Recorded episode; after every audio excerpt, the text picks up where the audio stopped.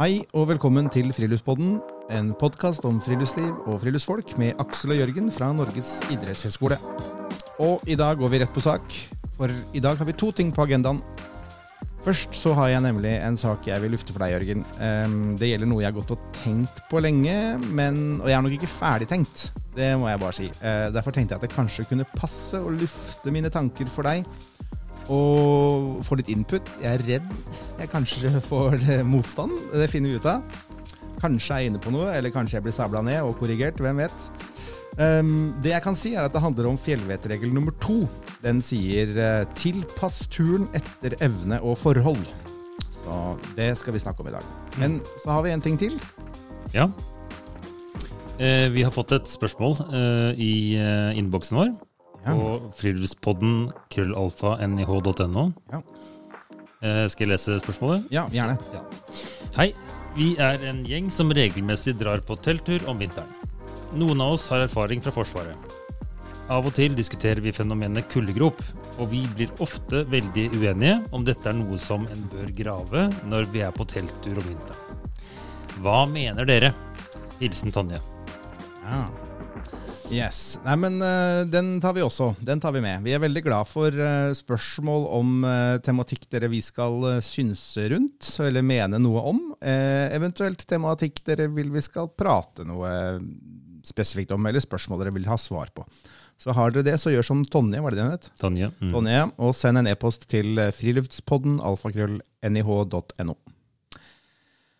Um, ja, så var det denne her eh, fjellvettregel nummer to, da, Jørgen. Mhm. Tilpass turen etter evne og forhold. Det er noe jeg har gått og grubla på Ja, det er eh, jeg vil, si, jeg vil si de siste ti årene. Det høres eh, lenge ut, eh, og at det, jeg føler på en måte at det burde være mer gjennomtenkt. Men, det, men, det, men, men for å sette det litt i kontekst, da, så, så, så har jeg gått og sjekka litt. Og, og dette her konseptet tilpass tur etter evne, eller det vi ofte sier også er jo tur etter evne, eller ferd etter evne er jo liksom et sånt begrep. Mm. Eh, og flere mener jo Altså Hvis du leser for eksempel, da, så har jeg da hentet, tatt med meg en bok her, en skikompis, 'Snøskred og trygg ferdsel', av Christer Lundberg Nes. En, for øvrig en utrolig god bok om, eh, om ferdsel, eh, skiferdsel, trygg skiferdsel i vinterfjellet. Um, men han har i sitt innledningskapittel så skriver han at uh, og jeg leser nå, tur etter evne, eller ferd etter evne, er et svært viktig begrep i norsk friluftslivstradisjon. Begrepet vart til Nå er det nynorsk her, da, så det er ikke jeg så god på. Omgrepet vart til utøving av eit friluftsliv i variert og mektig norsk natur, med mykje vær, lange avstander til folk og lite muligheter for kommunikasjon. Eh, en var da avhengig av å være sjølhjelpt i de aller fleste situasjoner som kunne oppstå, og aller helst unngå at noe gale kunne skje. Tur etter evne er ei verdiforankring, gjennom at det er et personlig ansvar å opparbeide erfaring og kjennskap til naturen som en ferdes gjennom, og å meistre aktivitetene en holder på med for å unngå ulykker og skader. Og da er det, den, det er en verdiforankring. Mm.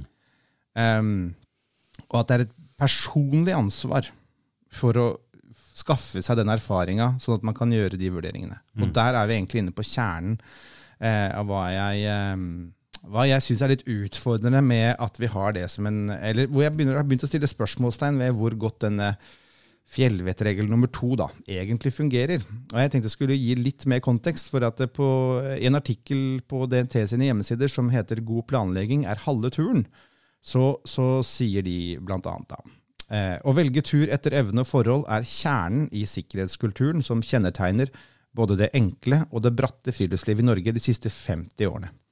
En enkel beskrivelse av ferdselstradisjonen kan være friluftsliv er hensynsfull ferdsel i fri natur på eget ansvar. Og så skriver de eh, ja, de skriver litt mer, det kan vi komme tilbake til. Men sånn, hvis vi ser litt sånn historisk på det, da, så er ikke dette her egentlig et nytt fenomen. Men de, som DNT sier, er liksom de henspiller på en 50 år lang tradisjon. Mm. Um, men, men den kommer jo faktisk mye før det. Faktisk så, så, så er det, begynner man å se det som man kan på en måte snakke om. Det ble, tur etter evne ble ikke brukt som konsept da, um, men vi er tilbake på slutten av 1800-tallet. Så uh, i klatremiljøet da, så, så ble på en måte normen om tur etter evne lansert på slutten av 1800-tallet. Uh, blant annet så Den danske klatreren Carl Hals han bemerket f.eks. at klatring som ligger over ens krefter, var uh, utillatelig. Mm. Så der var det liksom det at man skulle være innafor det man mestret. Altså tur etter evne. Og at hvis man på en måte pusha det, eh, og utsatte seg selv da for eh, ja, risiko eller dødsfare og sånne ting, ut, på en måte som da, fordi du ikke var kompetent nok, det var, eh, det var um, usportslig, eller på en måte hørte ikke til klatreetiketten på den tiden. da. Mm.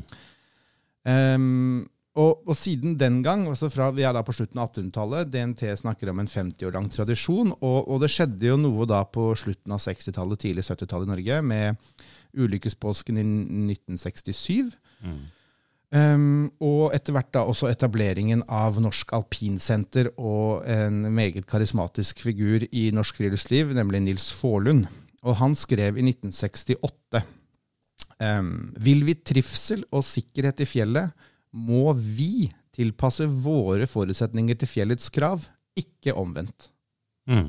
Så Det er mye av det samme. ikke sant? Det er vi som må tilpasse, vi må, og, vi må på en måte justere våre forutsetninger ut fra, ut fra fjellet, og ikke på en måte eh, omvendt. Og da tenker jeg når han sier ikke omvendt, så betyr det da tilrettelegging, tilrettelegging og sikring, og, altså fjellsikring f.eks. Mm. At man liksom altså merker varder, sikrer stup og den type ting. Og så sier han seinere, i 1971, den eneste fjellregel vi behøver å kunne, er at vi må velge å planlegge en tur slik at våre forutsetninger, enda om de skulle reduseres underveis, alltid vil veie tyngre enn de krav som stilles til oss, også dersom disse kravene skulle bli skjerpet. Med andre ord, velg tur etter evne, ikke over evne. Mm. Så, øh, og, og utover på, på, på 70-tallet så blir jo da friluftsliv en, en, et studie på høyskole. Det blir vei, ulike kurs, og etter hvert kommer sertifiseringer. Og, og jeg opplever at tur etter evne, ferd etter evne, har på en måte stått seg som et av de hva skal man si, liksom de der store parolene, eller på en måte grunnmuren i norsk liksom, tenkning rundt sikkerhet om friluftsliv. da. Ja, det tror du er helt riktig. Og så lurer du kanskje på hvor jeg vil med dette, Jørgen. Og Ja, for det, I mitt hode så tenker jeg hva er det som er problematisk her? Eh, og, og du har vel, eh, siden du har tenkt såpass mye på det, så tenker du at det er noe som er problematisk her. Eh, Ja, altså, eller ikke, ikke problematisk kanskje, men jeg tenker sånn Og her er det mange ting så Det er mye som har skjedd, det er mye vann som har rent under elva her, eh, eller under brua, mener jeg, siden 1970. Men, men, men det som jeg har tenkt på, er at ehm, At det er Det forutsetter Altså, tur etter evne forutsetter at du har erfaring til å vurdere hvorvidt eh, du har valgt en tur etter evne. mm. En uerfaren har ikke erfaringen som kreves for å kunne gjøre den vurderinga, etter min mening. da. Så det er på en måte, Jeg vet ikke om elitistisk tilnærming er riktig bruk, men, men på en måte konseptet krever at du har vært ute og erfart og reflektert. Ja, du må vite hvor dine begrensninger, eh, altså din rekkevidde i forhold til kunnskap og ferdigheter går.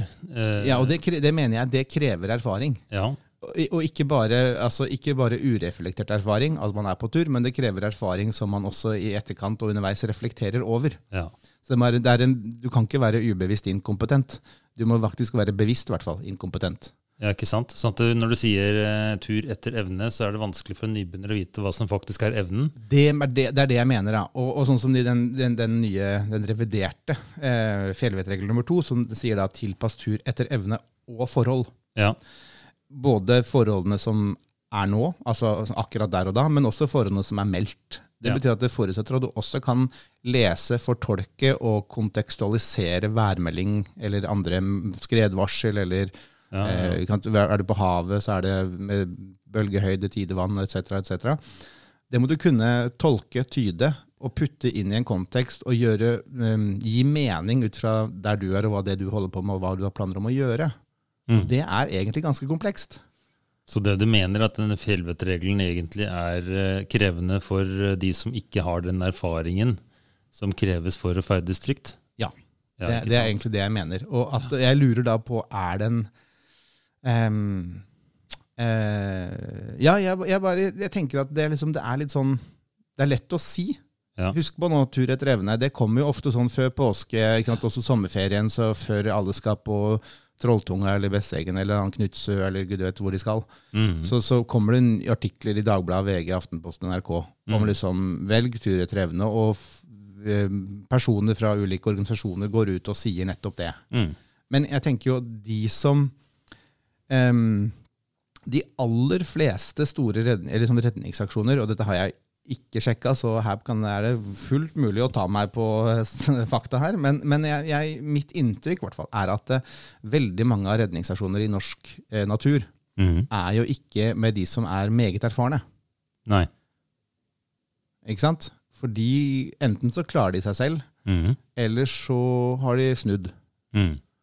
Mens, mens de som blir henta ned, en familie på fem, som blir henta ned fra et eller annet fjell i Jotunheimen, Mm. de har jo ikke lagt ut på en tur og tenkt liksom dette kommer til å gå skikkelig åt skogen, men vi gjør det likevel. De har, jo, de, har jo, de har jo lagt ut på en tur som tenker dette skal vi få til. Ja. Og så skjer det et eller annet underveis. Og, det, og altså, Uhell kan skje den beste og mest erfarne, og den mest uerfarne. Den, altså, naturen vet jo ikke hvor mye ekspert eller erfaren du er. Så ting kan jo skje. Det, det er helt, eh, helt åpenbart. Men, men allikevel så tenker jeg at de fleste som legger ut på tur, tenker jo at de skal legge, klare den turen de legger ut på. Mm. Være seg om den er kort eller lang. Mm. Um, men så går det jo ofte, eller i hvert fall av og til, Mm. ikke så veldig bra. Nei. Um, og så, så jeg vet liksom ikke, jeg har bare gått og tenkt på at det sånn der, tur etter evne er veldig sånn, det er veldig enkelt, men så er, det, er det egentlig ganske komplekst det som ligger bak, som kreves for å kunne gjøre nettopp den vurderingen. Mm. Og da lurer jeg på, er det Og det her, det her, jeg har ikke kommet lenger på ti år. ikke sant? En, jeg har ikke noen god løsning. Jeg bare, jeg bare syns liksom at det sånn, blir fort en sånn floskel som vi sier, eh, og som vi pumper ut i ulike mediekanaler. Og så, ja, så lenge vi følger den, så går alt bra. Ja, ja. Jeg har jo syntes den har vært ganske fascinerende fin, eh, fordi at jeg tenker eh, Altså hvis man er på et ferdighetsnivå, da, som jeg tror også du tror, at uh, man faktisk har erfaring nok til å kunne bruke den, sånn at man Mm. ser hvor ens egne begrensninger går, uh, hva som er, ligger kanskje innenfor og utenfor, hva som er uh, trygg ferdsel i fjellet, eh, så vil jo denne fjellvettregelen, eller dette, dette prinsippet som det egentlig er, eh, egentlig overstyrer mange av de andre eh, fjellvettreglene. Mm. Nå vet jeg ikke i hvilken grad mange er veldig opptatt av å følge disse fjellvettreglene slavisk, men de ligger jo der som for, for så vidt en sånn form for noen ferdselsråd i, i, i, i grunn, da, så, som man kan Ja. bygge dette her som på, og si at eh, en sjekkliste, eller eh, hva man nå kaller det. Og så tenker jeg at Hvis man da velger ferd etter evne, eh, og også ferd etter forholdene, så vil jo det eh, ivareta det man egentlig trenger å tenke på av, av eh, disse tingene som har med egen eh, og andres sikkerhet på tur å gjøre. Ja, men hvis ikke du vet hva du skal tenke på Nei, ikke sant, men da har jeg sett på det i forhold til mitt perspektiv, som Ja. er erfaren. Ja, Jeg har ikke prøvd å sette det kanskje nok fra et perspektiv fra en som ikke er tilstrekkelig erfaren til å se sin egen begrensning. Så, så sånn sett, så, og, og, og det har kanskje også vært utfordringen til de som har vært med og lagd disse reglene, at eh, de ser dem fra sitt eget ståsted. Eh, Så, så, jeg kan nok være enig med deg at det er kanskje en, en, eh, en form for ferdselsregel, eller en handlingsregel, eller en eller annen form for rettesnor som egner seg bedre for de som har mye erfaring, enn de som har lite. Ja, for jeg, det, som har, det som jeg har tenkt, er jo det hvorfor, Jeg kan jo ikke være den eneste som har stilt spørsmål ved dette. Nei? Så jeg er overraska over at jeg har ikke funnet noen store diskusjoner på en måte rundt, altså med, med utgangspunkt i det perspektivet jeg har nå. da. Nei. Så jeg har liksom ikke funnet noen Men jeg kan godt hende at det finnes noen. da. Men, men så, eh, noe som slo meg her når jeg drev og leste, søkte litt rundt eh, i foranledning av denne episoden, så, så ser jeg, fant jeg en artikkel fra igjen DNT. Eh, som heter uh, 'Tur etter evne', rett og slett. Og den er vel publisert i uh, mars i år, faktisk. Men der står det da at uh, om tur etter evne, så står det enkelt sagt så må kravene, tu kravene turen stiller til deg, samsvare med dine forutsetninger for å mestre disse kravene. Mm. Om de ikke gjør det, så har du sannsynligvis tatt deg vann over hodet. Mm. Det er jo rett fram greit nok. Og så står det videre, og dette syns jeg er interessant. Dette er jo ofte hovedgrunnen til at så mange ønsker å dra på tur med DNT og våre turledere. Da kan de bli med på turer de selv kanskje ikke hadde mestret, og kan bygge opp sin kunnskap og erfaring for å ha bedre forutsetninger for å mestre lignende turer i framtiden. Mm. Det, det tenker jeg også sånn helt eh, sånn på det rene. Det er jo ofte derfor folk søker. Men, men hvis vi ser på når eh, Og dette er ikke veldig gjennomtenkt av meg, men, men, eh, men det bare slo meg når jeg leser liksom, Hvis vi ser på når dette her kom, Mm. så er det jo på en måte Kan, kan man se denne tur etter evne, ferd etter evne, også i lys av hvem er det som har frontet det?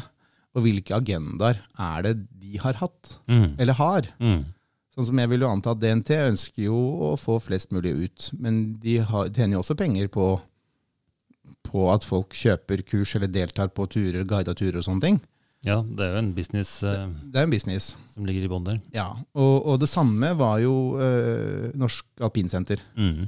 De, deres kalde levedyktighet var jo avhengig av at de fikk nye kursdeltakere til Mm. sine kurs. Mm. Og de måtte jo også kjempe for eh, sin plass og posisjon, da. Mm. Eh, og, eh, og på en måte berettighet. Eh, hvorfor det var behov for det. Mm. Eh, og det er litt sånn, da tenker jeg at ja, kanskje, kanskje det kan være en delforklaring. Altså at her, var det, her var det aktører som har hatt eh, Det har vært nyttig da, for dem. Eh, og eh, selv om ikke den, den, det perspektivet som jeg på en måte har grubla på, har vært så veldig uttalt, Mm. så ligger det på en måte allikevel i bunn den her ideen om at eh, du trenger, eller den erfaringa du trenger for å etterleve tur etter evne, Mm. den får du hos oss ved å Mm. gå på kurs. Mm. Sånn at du etterpå er bedre rusta til å gjøre de gode vurderingene. Interessant. For det du egentlig sier, da, Ja. det er jo at denne fjellvettregelen, den burde vi kanskje skrive om. Til altså velg eh, tur etter evne. Eh, dersom du ikke har kunnskap nok til å kjenne dine egne grenser, så kom til oss og kjøp en guide, eller gå på kurs. Ja, jeg, nei, altså, jeg vet ikke. Det bare slo meg når jeg leste det. at det liksom, for ofte, Jeg driver jo, jeg prøver å, å banke inn i hodet på studentene mine liksom når vi leser ulike artikler, eller ja, både artikler og bokkapitler og bøker, eller stortingsmeldinger eller rapporter. Så de oppstår ikke i et vakuum. Her, er- det er alltid en kontekst rundt, og de er skrevet av noen. og Ofte så har de noen en agenda. I Mm. hvert fall hvis det går på mer sånne ja, politiske dokumenter eller rapporter, og den ting, så er det liksom stort sett en eller annen agenda bak. Mm. Så, så hva er agendaen her? Hvilke aktører er vi involvert? Hvor, hvilken kontekst puttes dette inn i? da? Men hvis du ser på vår egen eh, aktivitet her på idrettshøyskolen, Mhm. altså utdanningsaktivitet knytta til friluftsliv, Ja. eh, kan du ikke egentlig si at vi også er litt eh, fanget i det samme? Jo. Men, men, men samtidig så Jo da, vi er jo det. Eh, og, men det er allikevel litt der den, den undringen min, eller kritikken, eller hva det nå enn er, da, rundt denne det derre hvor hvor det at jeg opplever at vi kanskje litt for enkelt snakker om konseptet tur eller ferd etter evne. Mm. Fordi at jeg i møte med studentene gjennom bachelorgraden f.eks., Mm. så skal jo våre studenter ut på egenferd, kaller vi det da. Hvor Hvor de drar på tur uten faglærer til stede. Mm. Eh, det kommer stort sett i etterkant av en tur med faglærer til stede. Så skal de ut og videre, jobbe videre med ferdigheter og kompetanse og kunnskap. Eh, hvor de må da lage en turplan. Planlegge den turen her. Mm. Em, det kan være seg på kajakk eller uh, på vinteren, eller skitur på vinteren eller fotturer i fjellet. Eh, ulike naturmiljøer til ulike årstider. Og, og det jeg ser er at eh, vi har jo da noen læringsmål som, vi skal, som på en måte de skal jobbe med underveis. Eh, samtidig så har de på en måte blitt speila ofte på den første turen vi har vært på, eh, hvor de ligger med tanke på kompetanse og, og erfaring og ferdigheter. Mm. Og så må du lage en turplan da, som, som er mulig å gjennomføre. Og det jeg ofte ser, er jo at de eh, Det skorter litt der, da. På å se sammenhenger. Og, og se, på å se på hva som er realistisk å få til. Og jeg tenker når våre studenter som er i det miljøet eh, vårt, da, med, hvor på en måte friluftsliv hele tiden er det vi holder på med, i, med ut fra ulike perspektiver og vinklinger, så, så er jeg jo ikke overraska, tenker jeg da, eh, om at hvermannsen, som ikke er friluftslivsstudent, syns det også er krevende. Mm. Eller kanskje ikke de syns det er krevende, men at, at de gjør feil. Ja, og jeg følger deg helt. Jeg opplever at mye av det vi gjør på våre friluftslivsstudier, er nettopp å veilede dem til å finne ut hva er det som er deres egen evne. Ja. Og, og, og da kanskje kunne komme med innspill på at her ligger du eh, over hva jeg tror er din evne. Eh, Her sånn kan du kanskje pushe deg litt for å få realistiske og relevante utfordringer som er på ditt nivå. Mm. Så sånn sett så vil jo jeg si at vår utdanning er egentlig å sette dette i system for å få en veiledet eh, praksis knytta til å identifisere evnen, Mm. og, Og og videreutvikle den. Ja, ja, jeg er enig. Og, og eh, Thomas, vår kollega Thomas Wold, han, eh, han trekker ofte fram et sånt eh, eh, en, sånn- han, eller han gjorde en sånn evaluering, ba studentene gjøre en uh, egenevaluering i forkant av uh, kajakkopplegget, eh, hvor de var på en skala fra én til fem. Mm. Eller fra null til fem, da. Hvor liksom 0 helt uerfaren, ingen har ikke padla, aner ikke. Mm. Til liksom fem, svært erfaren. Og, og de aller fleste la seg liksom på tre til fire. Ja. Og så når du var ferdig med, med det kurs, eller liksom den kursrekka, Mm. undervisningsrekka med, med havkajakk, Mm. så, så gjorde du på nytt igjen, og da scora nesten alle sammen seg vesentlig lavere. Da var de på to til tre. Etter kurset. Etter liksom. Og så spurte Thomas ja, men, hva, men har, det liksom, har det blitt dårligere. er, er det så dårlig, liksom? Hva er greia her nå? Nei, det var det at de hadde fått justert. Ja, ja, ja. Ikke sant? De hadde fått justert deres forståelse, eller deres, de hadde blitt speila hvor de var, Mm. eh, i, i, i kontekst. da. Så skjønte de at oi, her er det masse jeg ikke kan, masse jeg ikke vet, masse jeg ikke evner å anvende. Mm. Sånn at eh, den der skalaen ble utvida, Mm. og at de plasserte seg lavere. Men de hadde jo lært masse. Men de rata, rata seg lavere. Ikke sant? Jeg tenker Det er et godt eksempel på, på kompleksiteten da, i blant annet i den der litt store, store paraplybegrepet tur etter evne, som viser at det, det ligger så mye i det at det egentlig ikke er så Det er ikke så lett da, å velge tur etter evne. Nei. Eh, Det må på sett og vis kalibreres. Det må kalibreres, ja. Mm. Så det var liksom en innpåmarsj da, på, til noe jeg har uh, grubla på innimellom en del. Og så tenkte jeg at dette her, her er det jo mange andre mm, eh, turfolk, uh, guider, uh, Mm. undervisere, sån, sånne ting som vi, som vi kjenner til. som Noen har jo forska på det, eh, og andre har bare mye erfaring med å gjøre disse vurderingene eller jobbe med, med mennesker ute i naturen. Så, så dette er noe vi kommer til å forfølge videre og få litt andre perspektiver. For jeg føler ikke at em, det jeg har tenkt, er ferdigtenkt. Så jeg, jeg, jeg er på jakt etter innspill Mm. eh, fra andre, andre mennesker innenfor dette her. Så det hadde vært gøy å høre med også med DNT og flere. Så vi får se. Ja, kanskje også disse som uh, er profesjonelle guider. Ja. Så for der selger du egentlig en tjeneste hvor de tar med seg folk, som du nevnte, mm. så, som ikke egentlig har kvalifikasjoner til å gjøre turene uten at guiden hadde vært med. Mm. Uh, og jeg tenker mye av guidens oppgave blir jo da å eh, vurdere hvor mye kan vi få til med min hjelp, Mm. selv om de da ikke i utgangspunktet har eh, ferdighetene som skal til for å gjennomføre turen. Ja. Mm. Ja. Ja, nei, men uh, dette gleder jeg meg til. ja, dette blir fortsettelse følger, kan vi si. Så både DNT og forskere og guider må inn. Uh, Ingen er trygge. ja. Nei, men, men, eh, ja, men det er gøy at du, du syns dette var interessant, for det, da, da tror jeg vi forfølger dette her videre i kommende episoder. Så får det bli en liten føljetong hvor eh, gjester får svare litt uh, på hvordan de tenker rundt denne tematikken. Da. Ja. Jeg, jeg tror ikke det er noe fasit her. Nei, og det er det jo ofte ikke, da. Eh, I disse spørsmålene vi driver med. Men jeg tenker det å ha diskusjoner som dette, hvor man eh, presenterer temaer som øker bevisstheten rundt det, Ja. tror jeg er kjempeviktig. Ja. Så selv om man ikke kan si ja eller nei alltid, så, så er jo ikke det kanskje det som er målsettingen med å, å bringe det til torgs.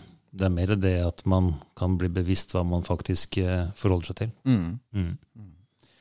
Ok, men da tror jeg vi lar uh, tur etter evne um, ligge mm -hmm. uh, inntil videre. Og så plukker vi det opp igjen i neste episode, forhåpentligvis. Um, Har du like kritisk eh, tilnærming til de åtte andre reglene, filmreglene, så har vi jo ganske mange temaer å ta tak i her. Nei, ikke, nei da, men, men uh... Jeg har gått i ti år og tenkt på regel nummer sju. Nei, det har jeg ikke. Uh, nei, vi får, vi, men det hadde vært spennende det, å gå- titte litt mer grundigere på fjellvettreglene. Og ikke minst, trenger man de? Eh, og, og, og hvem trenger de? Eh, Jeg er helt enig. Mye å ta her, altså. Mm. Det kan vi si. Men så var det videre. Du hadde fått en eh, Eller vi har fått en melding i vår innboks. Mm. Jeg kan gjenta Ja, les den på nytt. Jeg tror du gjør det. Det er fint. som er fra Tonje. Hei. Vi er en gjeng som regelmessig drar på telttur om vinteren.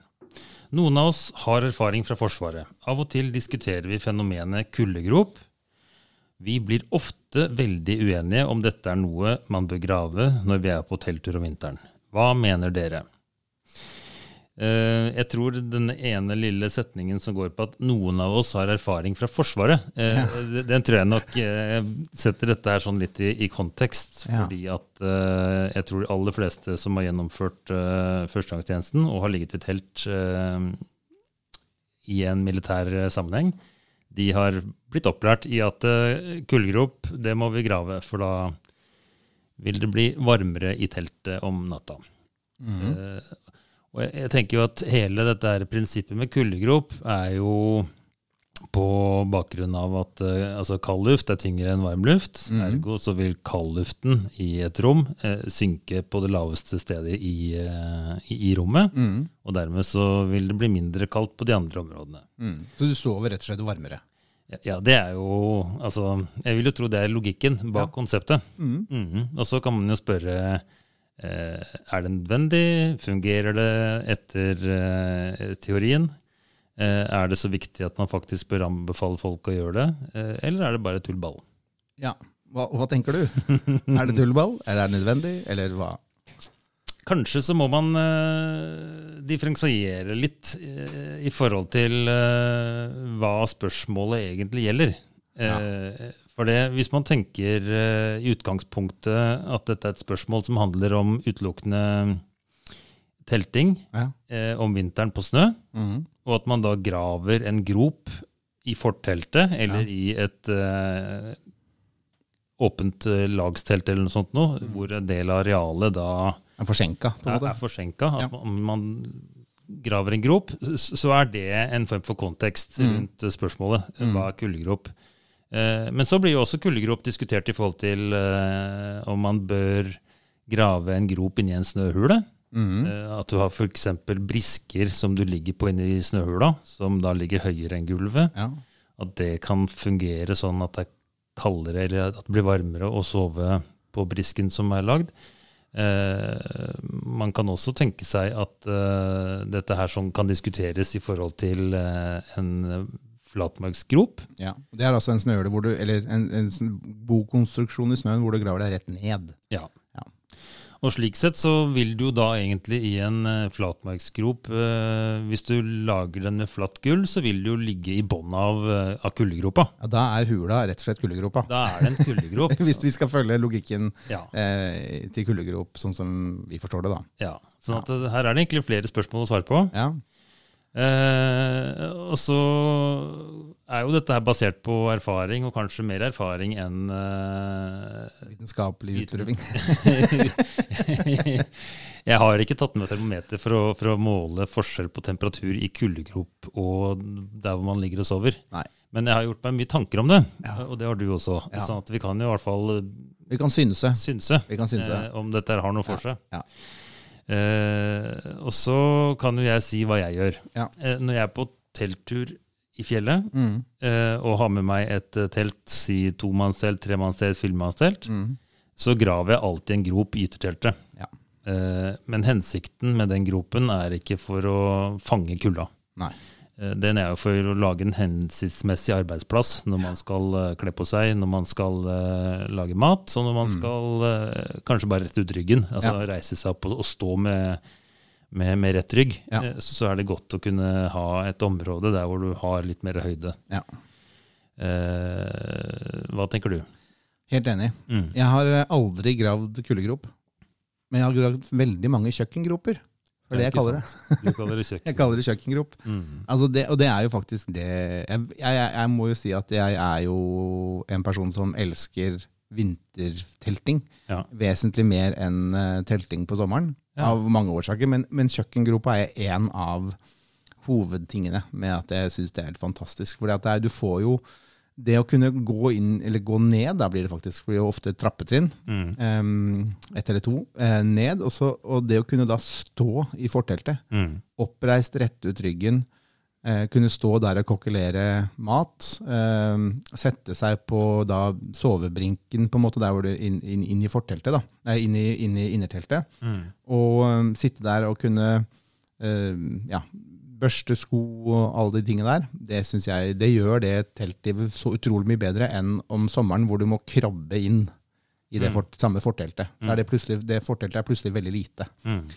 Um, så, så Og jeg har nå stått ganske mange timer i den sånn kjøkkengrop, da, som jeg kaller det. Mm. uh, og må innrømme at jeg tenker ikke nevneverdig på at det er så forferdelig mye kaldere nede ved beina enn oppe ved livet, da, som blir da ofte i samme høyde som der hvor du har liggeunderlaget ditt. da.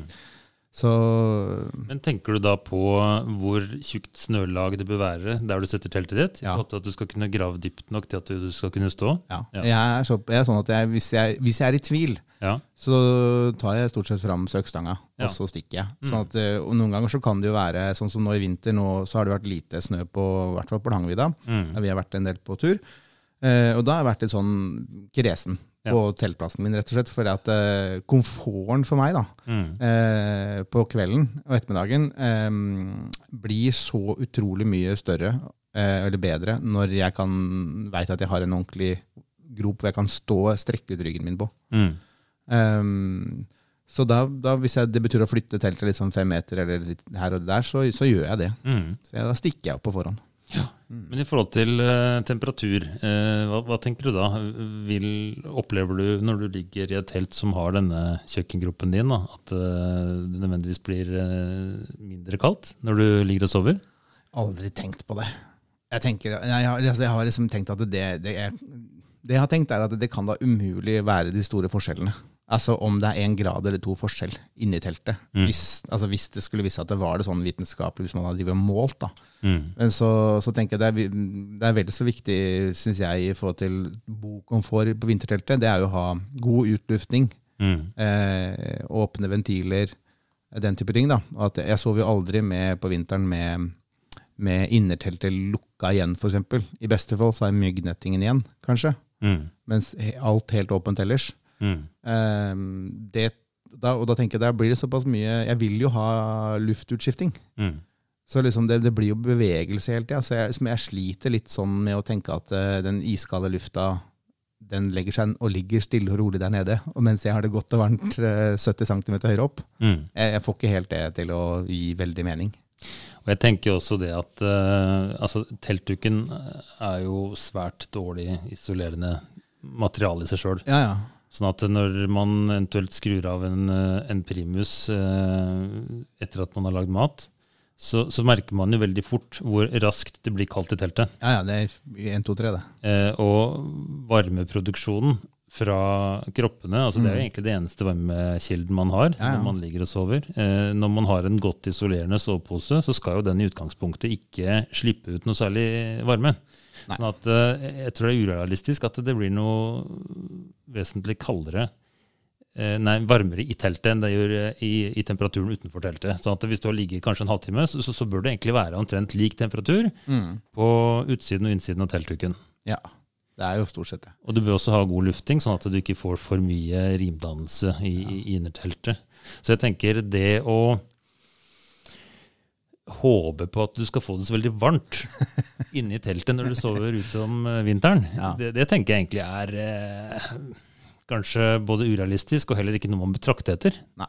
Eh, da tenker jeg heller du bør gå på utstyret ditt. Altså Hvis du har problemer med å sove ute fordi du fryser, så bør du heller investere i en bedre sovepose enn Ja. å tenke at kuldegropa håndterer utfordringen din. Da. Ja, det er, det er to ting jeg, jeg sier det til studentene mine, og praktiserer det selv. Um, det, er, det er to ting jeg på en måte bruker både litt mer penger på, og, og også ikke er så kresen på vekta. Mm. Altså det er, og det er liggende lag, eller, ja, liggende lag og sovepose. Mm. Så, altså når jeg snakker om vinterfriluftsliv. da. Mm. For det for meg å vite at um, jeg har en sovepose som holder meg god og varm, Mm. og et godt liggeunderlag som både er varmt, altså har har høy isolasjonsverdi eller høy R-verdi, Mm.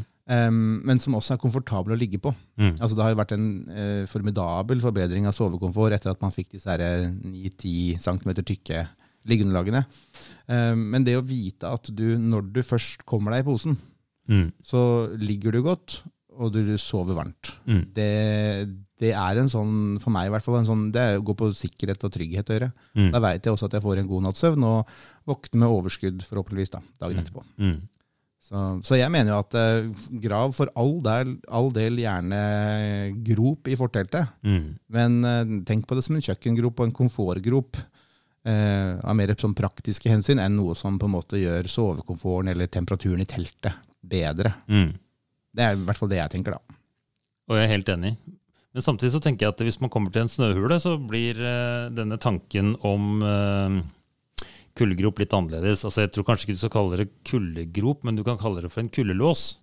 Altså Ja. hvis, du, hvis du bygger inngangen sånn at du får uh, som en vannlås eh, i Mhm. et uh, klosett, at du får en fysisk barriere som da ligger lavere enn der du selv ligger, Mm. så vil du nok kunne unngå at du slår inn eh, kald luft utenfra i løpet av vinteren. eh, I løpet av vinteren. Nei, i løpet av natta. av, vesentlig grad. Ja. Jeg jeg kan tenke meg at I en sånn sammenheng så, så, så vil du kanskje ha en effekt av at du har et område eh, i, i, i snøhula som ligger eh, så lavt eh, at det lager en form for lås. da. Ja. Men, men nå skal jeg samtidig si at eh, å ligge i, i snøhule, det har jo vi slutta med. Ja, snøhule har vi sluttet med. Ja, sånn at det er jo ikke noe vi syns er så veldig relevant å diskutere, for så vidt. Vi skal vel ha en egen episode. Ja, det kommer episode om eh, hvorfor vi ikke graver snøhule lenger. Mhm. Vi graver mye annet rart, men ikke snøhule. Vi sover mye i snøen, men Ja. vi sover ikke i snøhule i snøen. Nei. Så det kommer vi tilbake til. Eh, Nå går vi inn i en varm periode, så da tenker vi at til sommeren så kan vi slippe en sånn kald episode om det å bo i snøen. Ja, vi tar det til vinteren. Men eh, bare for å avslutte dette spørsmålet som kom inn. eh,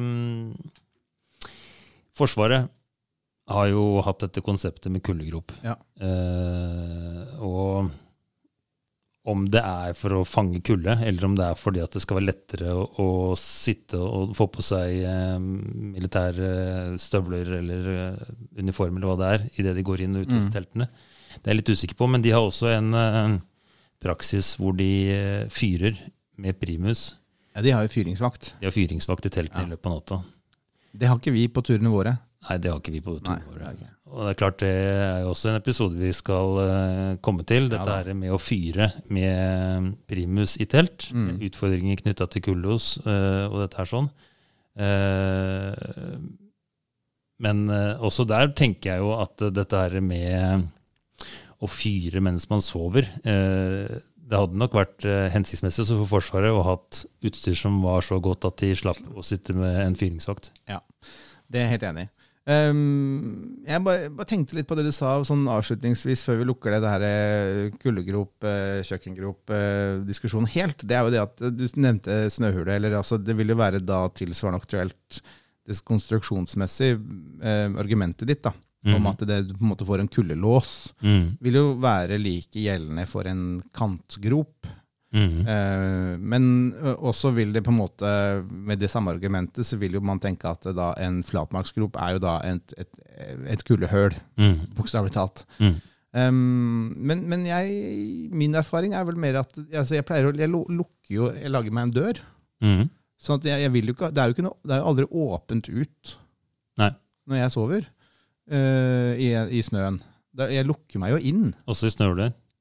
Uh, ja, men jeg, jeg sover ikke i snøhuler. Nei, ikke sant? Men i en flatmarksgrop så vil Ja. du grave da en bolig rett ned uh, Ja. i snøen, eventuelt i en, en kantgrop da, Ja. som er ved en, en snøfonn eller noe sånt. Noe. Men der lukker jeg jo døra. Men da så vil jeg jo lukke både tak og, og, og dør, sånn at du vil jo ha en, eh, en helt lukket eh, boenhet. Ja, og da tenker jeg liksom at den derre um, Eh, ja, i hvert fall, jeg har sovet ute i flatmarksgroper hvor det har vært eh, kaldt ute Mm. over meg, på en Mm. måte. Men det, det blir jo ikke veldig kaldt Nei, for det som, nedi der. det som skjer der, er jo at eh, hvis du lukker uh, denne gropa med snø som da er mer enn 25 cm, Ja, så, så er det egentlig en total isolering i forhold til temperatur. Så den, sånn sett så vil du da i uh, denne flatmarksgropa ha en temperatur som er tilsvarende den temperaturen som er i snøen. Eh, og det er litt artig. Man tenker jo på at eh, snøen har en temperatur som er eh, rundt null. Eh, det er ikke riktig. Nei. Jeg har gravd meg innover i ulike snølag og, det, og også hatt med termometer. Det som er morsomt, det er jo at denne snøen som da ligger der i fjellet i løpet av vinteren, den konserverer også temperaturen Mm. som var den dagen det snødde. Sånn at hvis du kommer inn i nye snølag innover i skavlen, så vil du også kunne oppleve at uh, et snølag er nokså mildt, mens et annet er ganske kaldt. Og, og, og den derre transporten av uh, temperatur mellom snølagene er, er veldig liten. Men det er også veldig fascinerende, for dette er jo også veldig vesentlig når vi går inn på dette med, med skredvarsel.